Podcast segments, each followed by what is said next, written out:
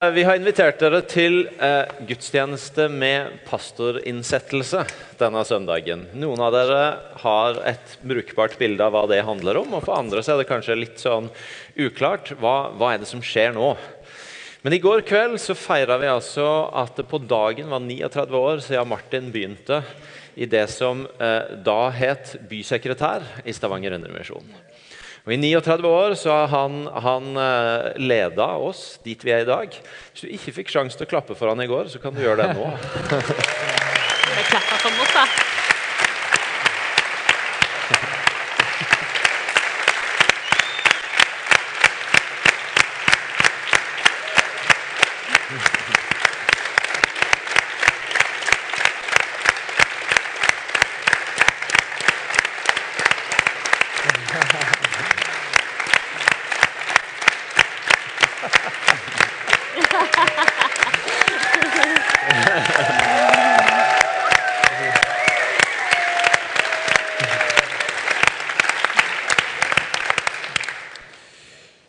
Martin skal ikke slutte, og det skal vi si litt mer om etterpå. Men fra 1.8 så er han ikke lenger leder av Imi-kirken. Han har ikke de formelle lederansvarene her. Eh, styret i Imi-kirka de har ansatt meg til å gå inn i den rollen han har hatt.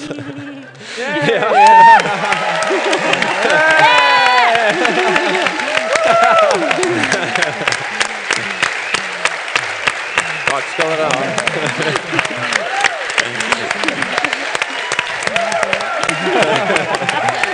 Slutt, da. Tusen takk. Og Så så dette blir en veldig gøyal gudstjeneste. Og så har de altså attpåtil ansatt Geir og Hanne Therese som et pastorteam for menigheten i den rolla som jeg har hatt de siste sju åra fram til nå. Ja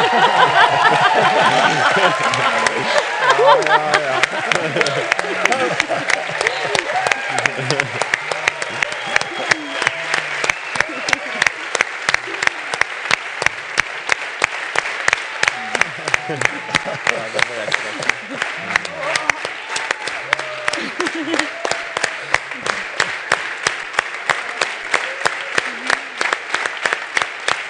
Takk for det.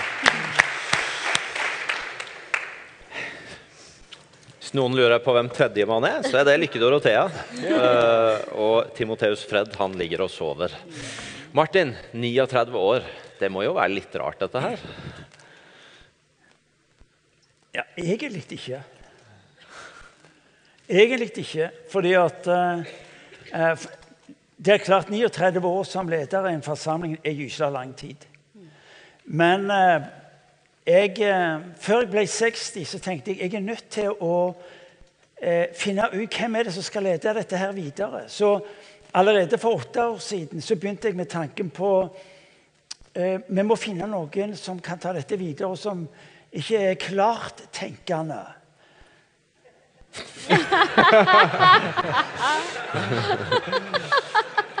og som sier ja. Fordi at eh, vi skjønte jo at det var noe som vokste fram mellom oss, som ble større og større og større. Så nei, det, det kom ikke Det har ikke kommet overraskende. Det er ikke rart. Eh, og det er nok fordi at jeg opplever at jeg får lov til å være i en prosess over lengre tid på å se dette vokse fram i andre folk sine liv. Eh, men jeg kjenner på en gyselig takknemlighet over å få lov til ha hatt mitt liv i dette huset.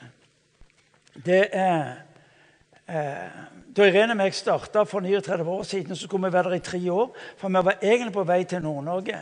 Og jeg tenkte tre år må kunne holde for å få dette her eh, falleferdige bedehuset nede i Bergelandsgata på, på rett kjøl. og så- Men at etter tre år hadde det ikke skjedd noen ting.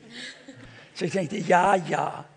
Og så hørte jeg jo da en pastor som sa for han ble spurt ja, hvor lenge skal du være pastor i denne menigheten. da? Jo, Han skulle være der resten av sitt liv hvis ikke Gud sa noe annet. Så jeg tenkte ja, det der var ikke dumt sagt.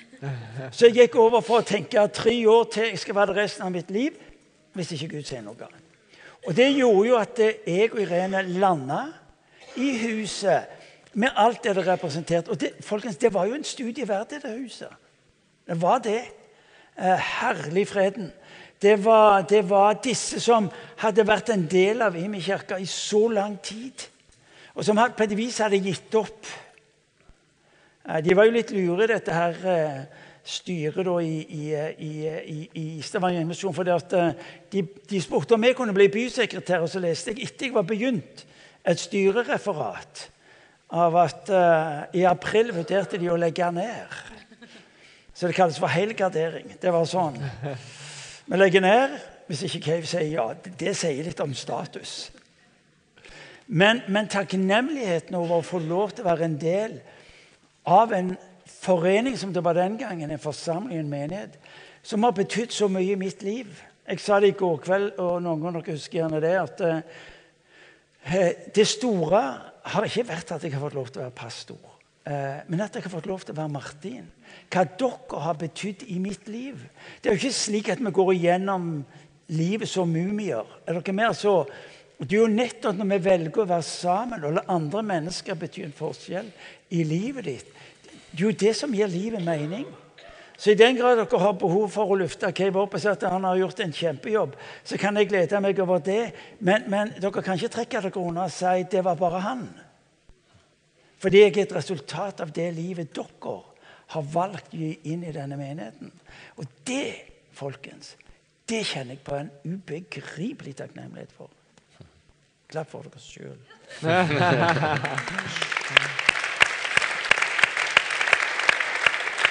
Og Det er jo derfor jeg tror at eh, menighetene er Guds svar.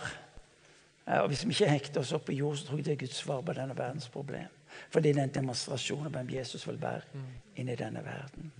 Så, så, jeg Nei, jeg må si jeg er takknemlig til, til, til menigheten. Jeg er takknemlig til Jesus over at jeg får lov Jeg, som ikke engang visste hva jeg begynte på når jeg sa ja. Og så har jeg fått lov til å være med på dette her. Ja, jeg ville sagt av og til lykke og bedre enn forstand. Men eh, for et privilegium takknemlig, glad. Og så Men hva med dere? Det er jo dere som skal springe videre med det sammen med Lykke Dorothea. Ja. ja. Hvordan er det for dere? Nei, Du sier at for deg er det ikke rart, men det er klart for meg så er det jo veldig rart. Jeg begynte med Kleenex-boksen på bønnemøtet i dag. Så det, um, og det er klart at jeg har jo vokst opp her. sant? Så for meg har det vært trygt når de sa at vet du hva, Elling skal, Elling skal overta i den rollen pappa har hatt. Og så når de spurte Geir og videre at eh, vi fant ut at dette kom ut til å se ut som at dette var noe vi skulle gjøre i lag, så kjentes det òg helt fint. Men, men, det å forholde seg til at um, pappa ikke skulle ha den rollen han har hatt, det har vært veldig rart. Og det har jo vi en vanvittig takknemlighet i øret for det som jeg har fått vokse opp i. Jeg som har fått vokse opp i pølseboa på Sør-Vestlandet. um, men òg det jeg har fått lov til å ta imot, det jeg har fått vokse opp i, det jeg har fått lov å vokse inn i. Og det gjør at når jeg ser på det som ligger foran, så kjenner jeg på en vanvittig ydmykhet og takknemlighet for, um, for hva som ligger foran. For det som ligger bak, har jo Det har forma alt det jeg er. Um, og det å få springe videre med den arven um, Det kjenner jeg masse forventning til. Enorme forventning til. Det er jo litt sånn klisjé å si det, men det å få lov til å stå på skuldrene til, til de som har gått foran, um, gjør meg veldig ydmyk og veldig takknemlig. Og så skal det være sagt at helt sånn avslutningsvis at det å få lov til å gjøre dette her som familie Én ting er oss som familie, oss som familie, men liksom oss ja. som familie. Ja. Det gjør at jeg tenker at dette er nødt til å bli vanvittig, vanvittig fint. Jeg er så stolt over at jeg får lov til å springe i lag med dere. Ja. Ja, jeg, deler det du sier. Jeg er helt enig. Jeg kom til eh, Stavanger og Imekirka for ti år siden.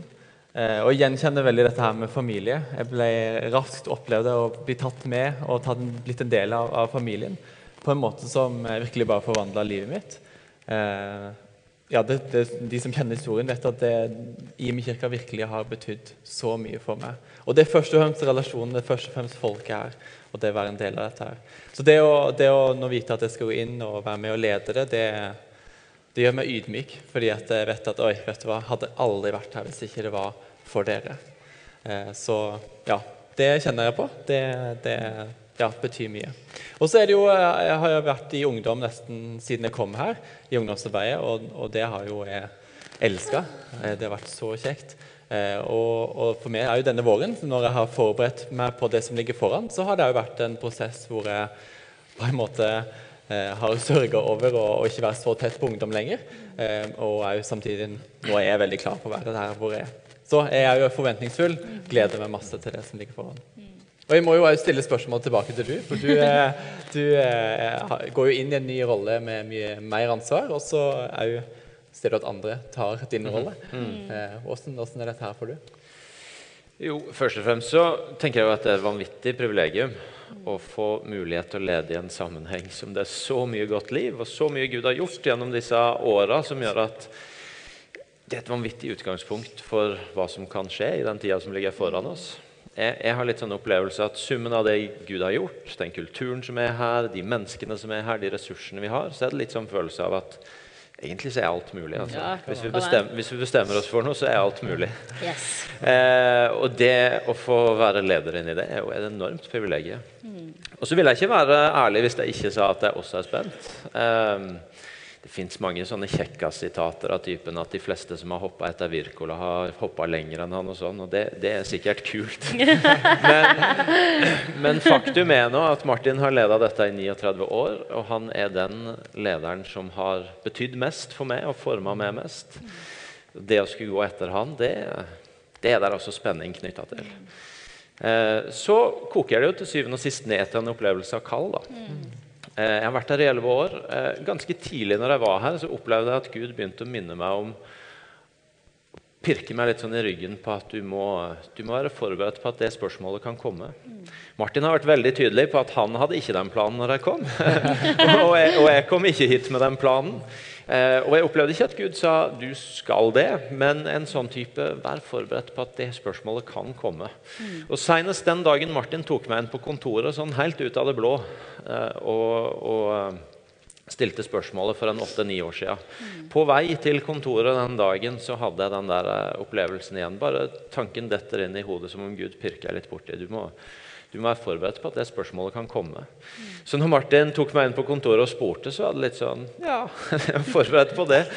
Så, så, det var faktisk sånn at et par timer senere måtte jeg gå og banke på døra hans igjen og liksom Du, jeg er utrolig det er nære, altså. Fordi at jeg opplevde jeg var liksom så forberedt at dette kom. At, eh, så, eh, men, men eh, sånn har det vært for meg og Hildegunn nå når vi har hatt vår runde på det. at eh, ja, dette er det vi tror Jesus ber oss om å gjøre. Eh, og eh, tanke, eh, sånne tankespinn rundt en den rette har en det som skal til, og sånt, det fører jeg ingen gode steder hen. Men det å hvile i at en tror han er der Jesus har bedt henne om å være, det, det, er et godt utgangspunkt. Martin, eh, det kommer fram at det har vært en ganske lang prosess. Hvorfor valgte du å gjøre det sånn? Nei, Hvorfor valgte jeg å gjøre det sånn? Jeg, eh, jeg hadde nok møtt ganske mange menigheter hvor kanskje pionerene ikke riktig fikk det til å, å få, få, til en overgang. Eh, og jeg tenkte det må ikke skje her. Eh, det er så mye som jeg så gjennom mange år, gjennom flere tiår, så var det så mange spirer og så mye liv som holdt på å vokse fram. Og jeg tenkte tragedien ville jo være at eh, det ble bare surr når jeg slutta. Eh, fordi vi ikke hadde gjort en god nok jobb når det gjaldt å eh, Such is life. Eh, så jeg tenkte tidlig Gud, du må gi meg, gi meg navnet på den som vi skal få lov til å be om å gå videre. Og, og det gikk ikke lang tid før Elling var det navnet som kom opp. Og det har noe med hvem Elling er. Eh, jeg pleier å se etter det som er karakter, kompetanse og kjemi. Er du med? Altså, Hva er det viktigste? Jo, det er karakteren.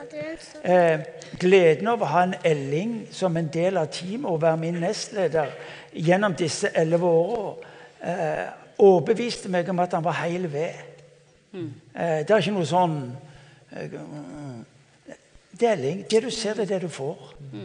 Det andre med han, det er jo at eh, det har vært en utrolig god kjemi.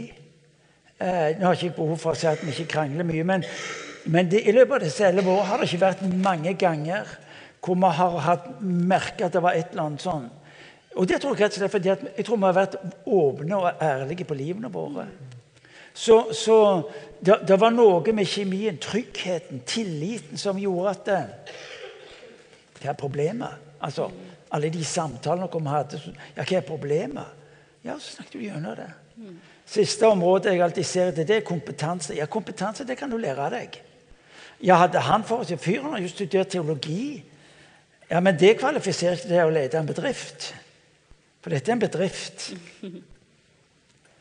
Men det lærer han, og det er jo det jeg har sett han vokse inn i denne tida. Og, og jeg tenker at eh, nå, nå går det en vei, og det er fordi han har et hjerte etter. Så, så jeg starta tidlig med OK, Gud, da, da spør melding. Og så sa han ja. Og det er klart Jeg sa til han at jeg har et spørsmål, og det er Sier du ja, så må du være der for resten av livet. No. Kan du tenke deg Men kan du tenke noe mer meningsløst enn en pastor som bestemmer seg for å slutte etter tre år? Altså, Folk vil ikke være med på noe da. Altså, ja, det er klart det. Altså, Han har forplikta seg til å være der resten av livet hvis ikke Gud sier noe annet. Ja, Han kan leve med det. Ja, men Det var mitt utgangspunkt.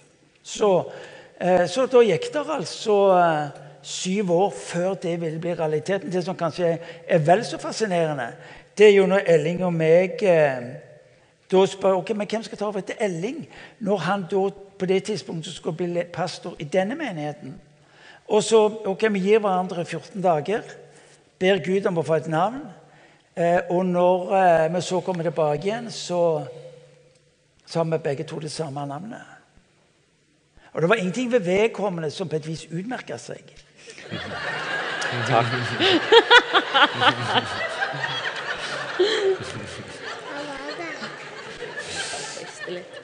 Jo, jeg registrerte at han var begeistra for dattera mi. Men det burde jo egentlig da vært, da burde du hatt den motsatte reaksjonen. Oh no. Men hva er det som har skjedd? Jo, Gjennom den tida så så har jo Geir demonstrert et lederskap, ikke minst opp mot ungdom, som var jo helt spesielt. Og, og på et vis bekrefta det vi kjente. At han gifta seg med dattera uh, mi, er klart en opptur, men, men altså Regn på seg fra det. Vi valgte å ikke si noen ting til Geir i løpet av fem år. Elling og meg bar navnet sammen med Irene. Irene er da denne her ånden i huset som har oversikten og vet alt. Så hun visste det, på, for det var det bare Elling og meg. Og vi ba Gud som bekreft er det Geir vi skal spørre. To år siden så spør vi. Og det er klart at eh, det er noe der som har vokst fram, som har hatt prosessen, tida som gjør at når overgangene skjer, ja, så er det ikke så dramatisk. Det er ikke dramatisk i det hele tatt. Ikke for meg. Så jeg, jeg, må jo bare si at jeg er utrolig takknemlig og takker for det at jeg får lov til å være en del av dette. Eh, noen har kommet til meg og sagt ja, men skal du være en sånn en syvende far i huset da? Nå? Ja, er det det jeg blir? Ja, er det det du blir? Nå får vi se. Nei, eh, jeg har lyst til at dere skal høre meg si noe om dette. fordi at eh, jeg òg har fått det spørsmålet. Mange har vært opptatt av ja, åssen eh, blir du med Martin framover. Får, får, du det rommet? Kommer han til å klare å holde seg i skinnet osv.? Eh, hvis en tenker bedrift så, eller organisasjon, så vil ofte det naturlige være at uh, den som har leda før, slutter og trekker seg tilbake. Vi tenker om menigheten som en familie, og i familie så slutter du ikke. I familie så forsvinner du ikke når du har gitt fra deg en rolle, men du blir. Um, og For meg så har det vært veldig viktig at mitt For det første så har det ikke vært sånn for meg at eh, nå, nå har jeg sittet og venta på at det skal bli min tur, men gleden har jo ligget i å få gå sammen med Martin. Og den gleden skal være der fortsatt. Og jeg vil at dere skal høre at jeg har sagt til Martin at han må ikke bli taus, han må ikke bli passiv. Han, jeg ønsker han fortsatt som en leder i dette huset, fordi om han nå vil være en leder i kraft av den han er, ikke i kraft av posisjon og formelle ansvar han har. Så Dere vil fortsatt høre stemmen hans, dere vil fortsatt se han engasjert. Og dere må spare han og oss for sånne spørsmål av typen Klarer han å holde seg i skinnet nå? Eller sånne ting. For, eller for den del syvende far i husbevegelsen. For i be betegnelsen, ikke bevegelsen. Jeg skal ikke ha noen bevegelse av det. eh, fordi han er ikke syvende far i huset, men han er fortsatt en av fedrene i huset. Eh, og det er helt selvsagt at han er, og det skal han få ha rom til å være. Det er bra. Ja.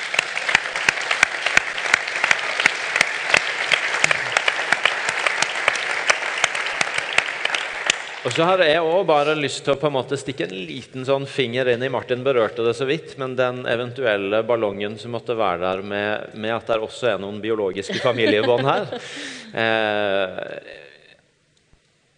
for meg så er ikke han Therese og Geir først og fremst barn og svigerfaren til Martin, men de er veldig gode venner av meg. Han Therese er en av de første nære vennene jeg fikk når jeg flytta hit for 11 år siden. Geir en som jeg har fått gå tett sammen med helt siden han flytta hit.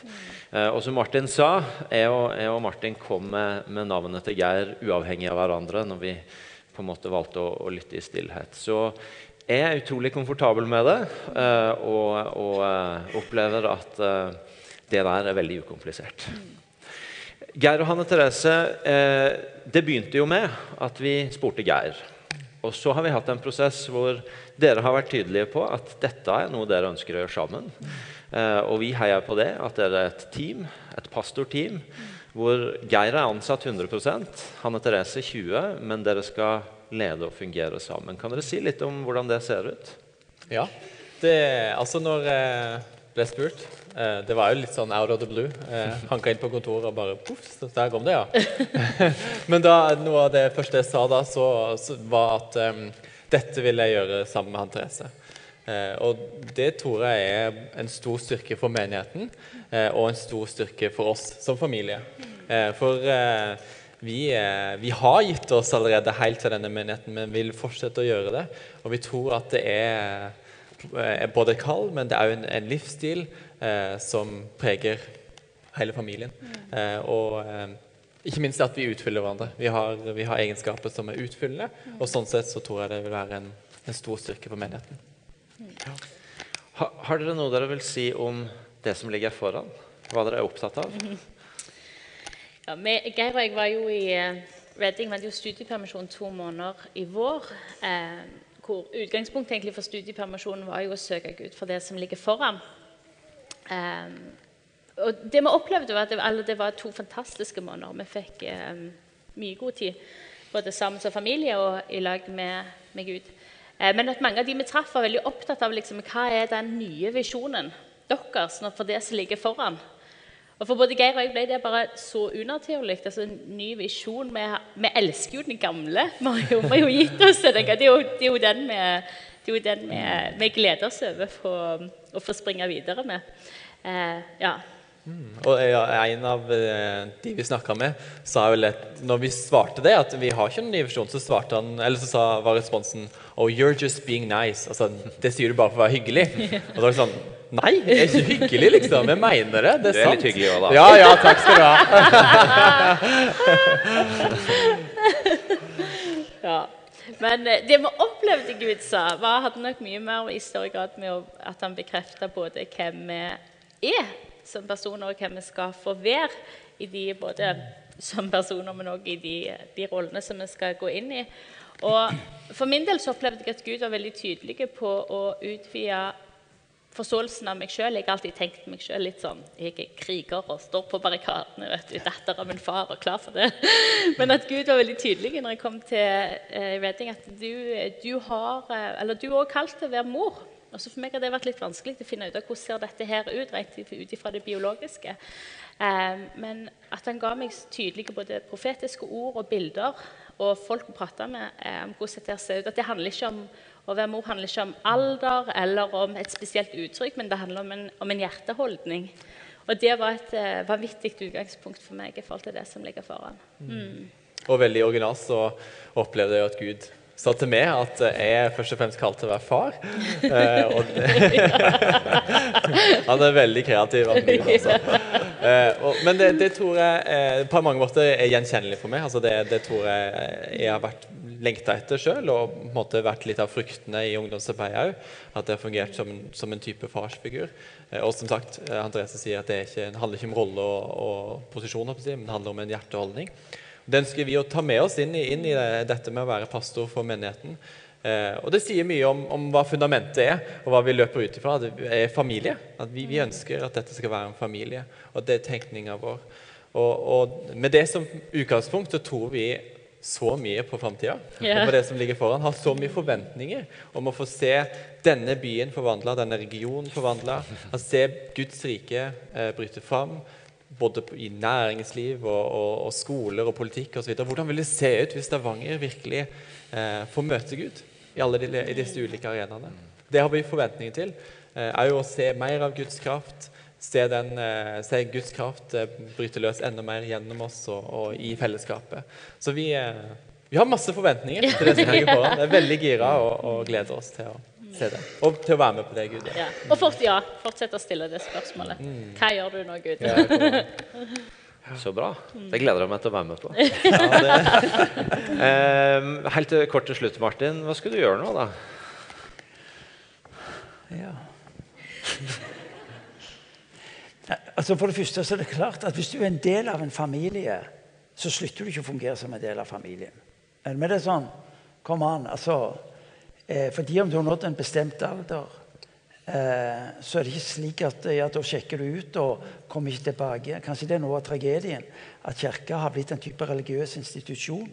Altså, Kirka var tenkt å være Guds familiedemonstrasjon av hvem han vil være i denne verden. Så på den ene siden så har jeg, jeg har en utrolig glede av å være en del av dette huset, av deres liv. Fordi at dere vil fortsette å legge inn i mitt liv det som har betydning som gjør at jeg får lov til å fortsette å vokse. Det er ikke slik at når jeg blir pensjonist, så går jeg inn for landing. Er du galen? Så, så, det er det ene. Det å få lov til å fortsette å være en del av dette huset. Men denne høsten så skal jeg på en spesiell måte litt sånn avsides. Eh, og spørsmålet mitt blir Gud, hva, hva gjør du nå? Da jeg starta for 39 år siden, så var jeg fullstendig grønn. Jeg visste jo ikke hva jeg sa ja til. jeg. Og, og, lærte jo da tidlig å be bønnen 'Kjære Gud, hva gjør jeg nå?' Men det, det var jo en livsfarlig bønn. Fordi da satt jeg jo med problemet. Men hvis bønnen min er 'Gud, hva gjør du nå?' Ja, det er han som har problemer. Så er jeg i den fasen nå. 'Gud, hva gjør du nå?' Og så skal jeg bruke denne høsten til å være stille, jeg skal lytte. Og så tror jeg jeg skal gå inn i noe som blir vanvittig spennende. Jeg tror at jeg har den rikeste tida foran meg. Så hvis dere tenker han har vært med på mye spennende nå, så er det riktig. Men jeg tror bare det er et bleikt naboland av det som ligger foran meg. Så, eh, og sånn tror jeg det er å gå med Jesus. Men det er ikke slik at ja, du, Nei, jeg har ikke hatt høydepunkt i mitt liv. jeg. Livet mitt har vært mange høydepunkter. Men det å få lov til å se framover nå og tenke Gud, hva er det du tar meg inn i? Det fyller meg med en enorm forventning. Cirka sånn som ja, det. Så bra.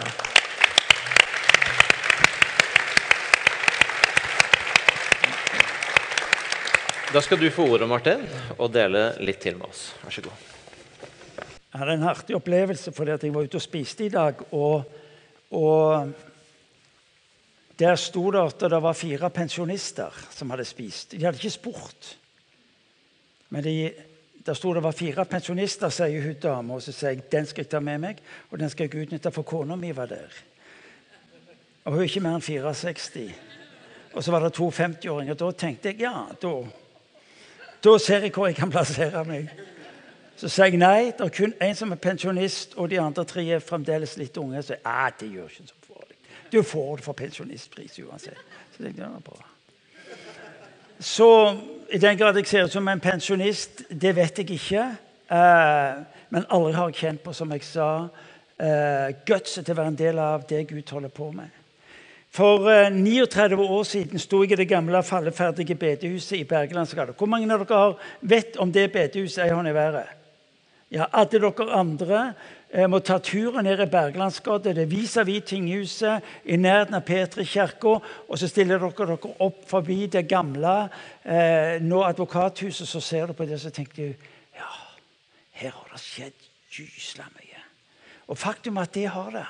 I det i det huset pressa de inn i sin tid over 800 mennesker. Den gangen hadde de benker. Alt er så mye enklere når det er benker. Er du med? For da er det alltid plass til flere. Er du med? Stoler er mye mer problematisk. Men, men jeg kom inn i en forsamling som hadde en historie som var formidabel, som prega byen på en måte som vi i dag aldri har vært i nærheten av. Men de hadde mista motet. Det var få igjen. Og Der kom det altså en ungsau inn, nettopp fylt 28 år. Ikke hadde bakgrunn fra menighet, ikke visste hva det ville si å være kirke. Men jeg hadde én brann. At det var folk måtte oppleve at Gud var god. Så jeg preikte 1.9. for 39 år siden. Så var talen min I have a dream. Og der satt disse gamle damene vet du, med, med veske og hatt. Og, og skjønte ikke så mye av engelsken min. Og, men de var en del av det. I have a dream. I've been to the mountain, and I've seen the promised land. Hør nå. Én ting er at du og meg måtte ha drømmer. Men vet du hva som er enda viktigere for oss? Det er Gud har drømmer. Når Martin Luther King hadde vært på fjellet og sett The Promised Land, så så han det som Gud så. Og så var det det han gikk bake til og fortalte sitt eget folk. I have a dream. Det som har vært det mest fenomenale med å få lov til å være en del av det Gud gjør, er å være en del av hans drøm. For Gud har sagt at 'mitt rike er mellom dere' for at, for, for at, folk skal få øye på at jeg er Gud, og at jeg er en god Gud. I have a dream. Det er 39 år siden. Jeg visste ikke hva jeg sa ja til. Hør nå. I livet så gjør det ikke så farlig om du ikke vet hva du er med på, bare du vet hvem du er sammen med. Det er gyselig godt sagt.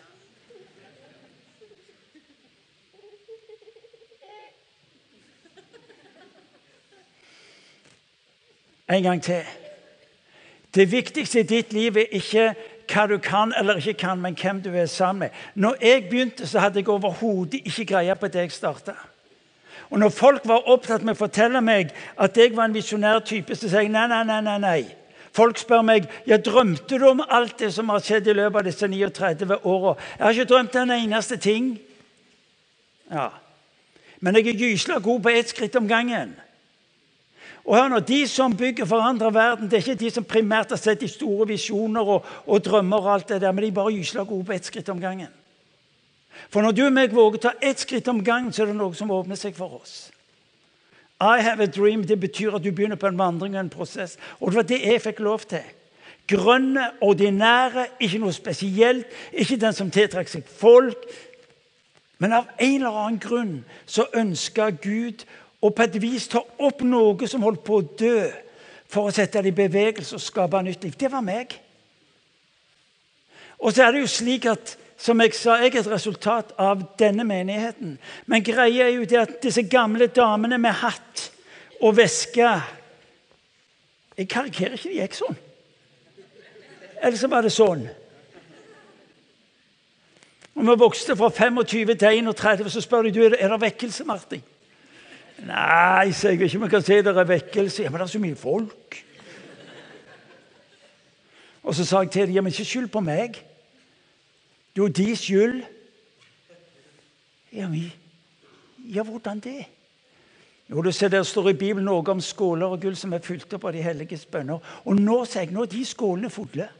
Og jeg står rett unna. Nå renner det over. Det er derfor det skjer så mye. Så det er de skyld.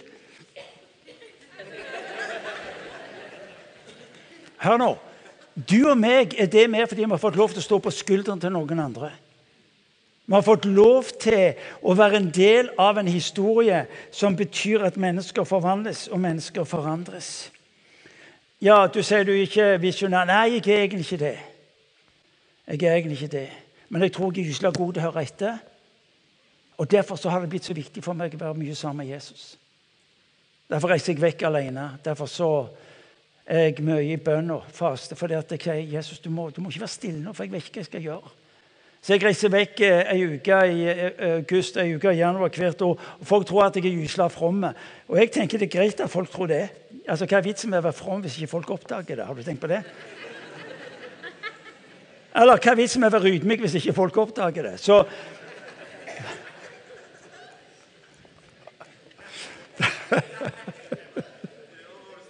Er du ikke enig? ja, men du er helt enig. Er du Altså, jeg, jeg, er villig til å være ydmyk hvis folk oppdager det. Men hvis de ikke oppdager det, hva er poenget? Nei, det var Glem den.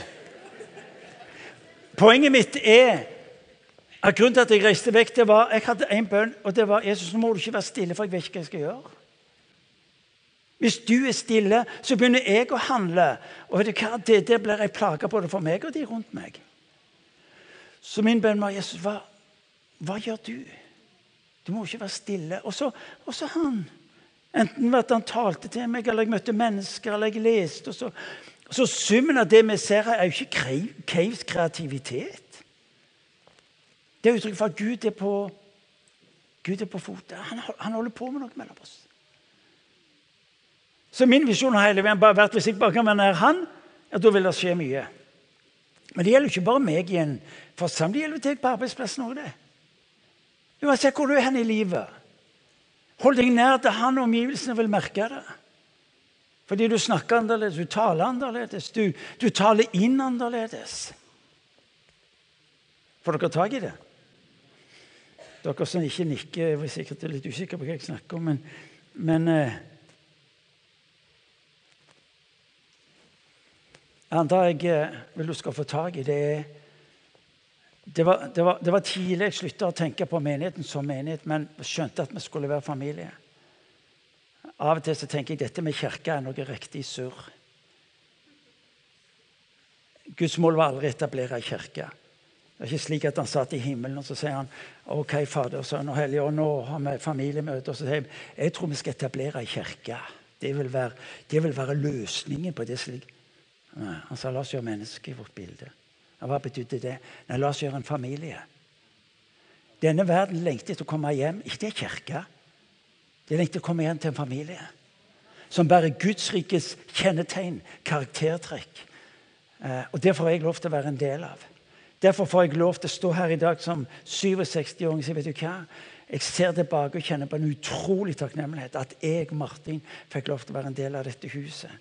Eh, og så har jeg bare så lyst til å gi dette videre til mennesker som ikke kjenner Gud. For dette oppdraget er nemlig ikke fullført. Dere har hørt meg si mange ganger um, Den norske befolkningen har ikke sagt nei til Jesus. De vet bare ikke hvordan han ser ut. Jeg tror grunnleggende i alle mennesker det er et ønske om å komme hjem. Og Så ser vi rikdommen, og så ser vi rusen, og så ser vi alt det som på et vis vi tror taler imot. Nei, det er egentlig bare det er egentlig bare summen av et rop.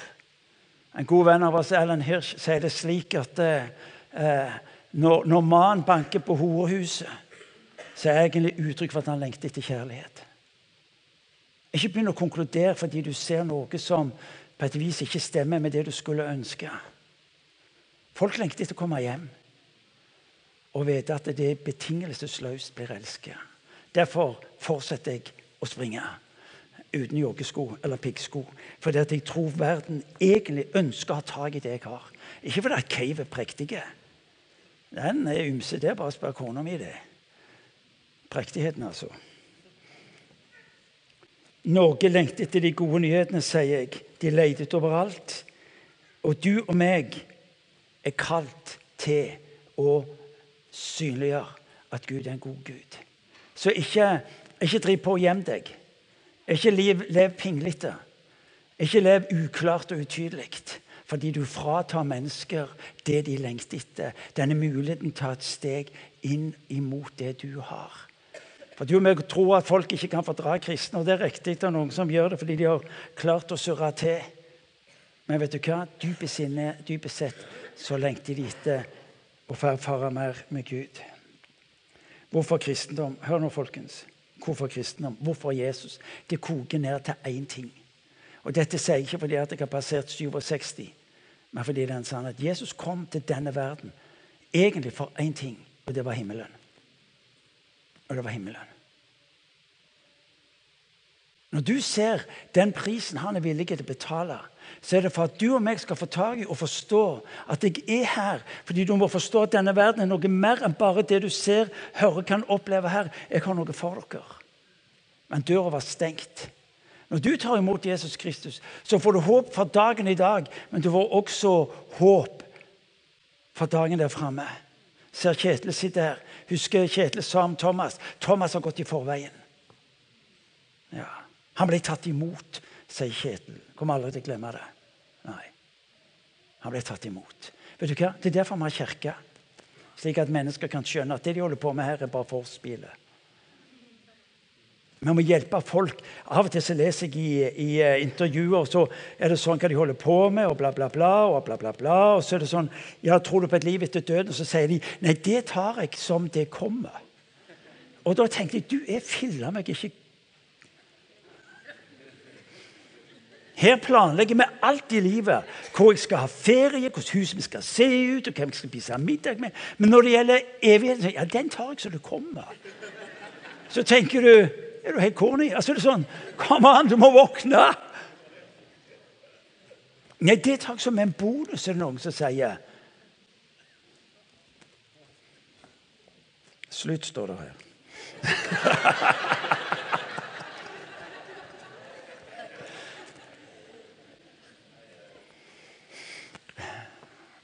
gode, gode venner. I have a dream. Ja, det er fenomenalt. Mist aldri drømmen. Men det som er enda større, det er at han som jeg tror på, har en drøm for ditt liv. Sørg for å være kobla til den. Og jeg skal fortelle deg, livet ditt vil lykkes. Og du vil bety en forskjell i menneskene rundt deg. Takk skal dere ha.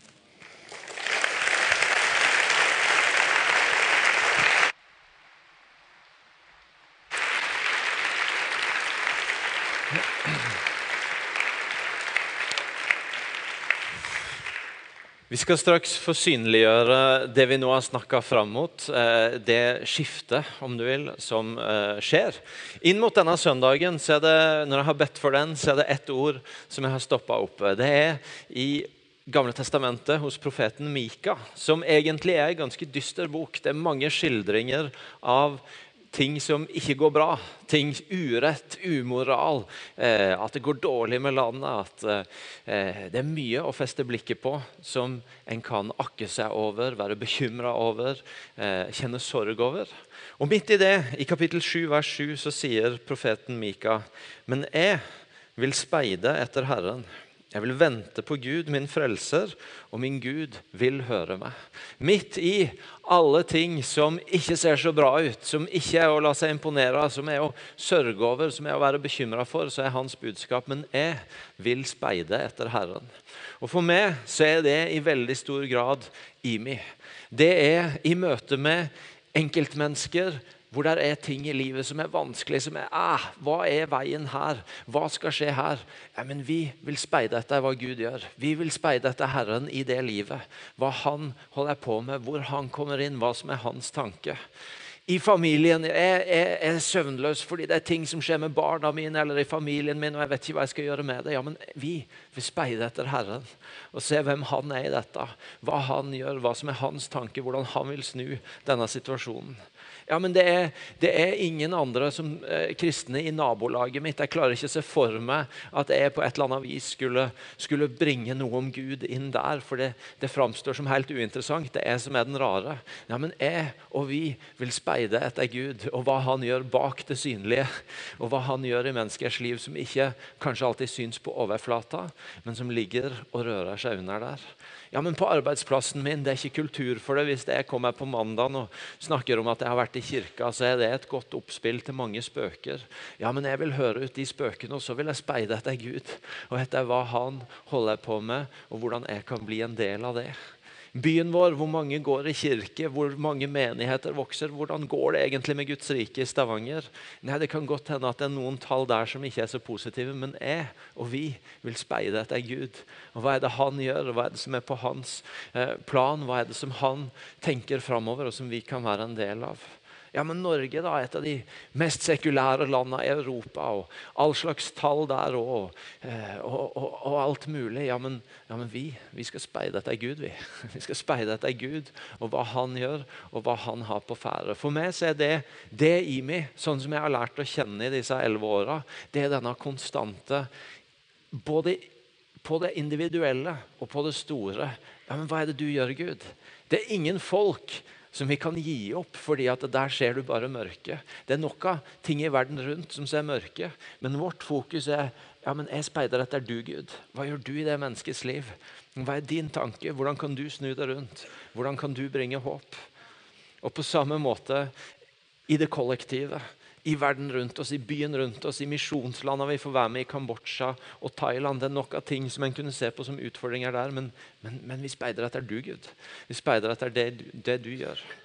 Hvis det er en ting dere skal få lov til å holde med ansvarlig på som leder, så måtte det være det. Ja, men Speider du etter Gud, Erling?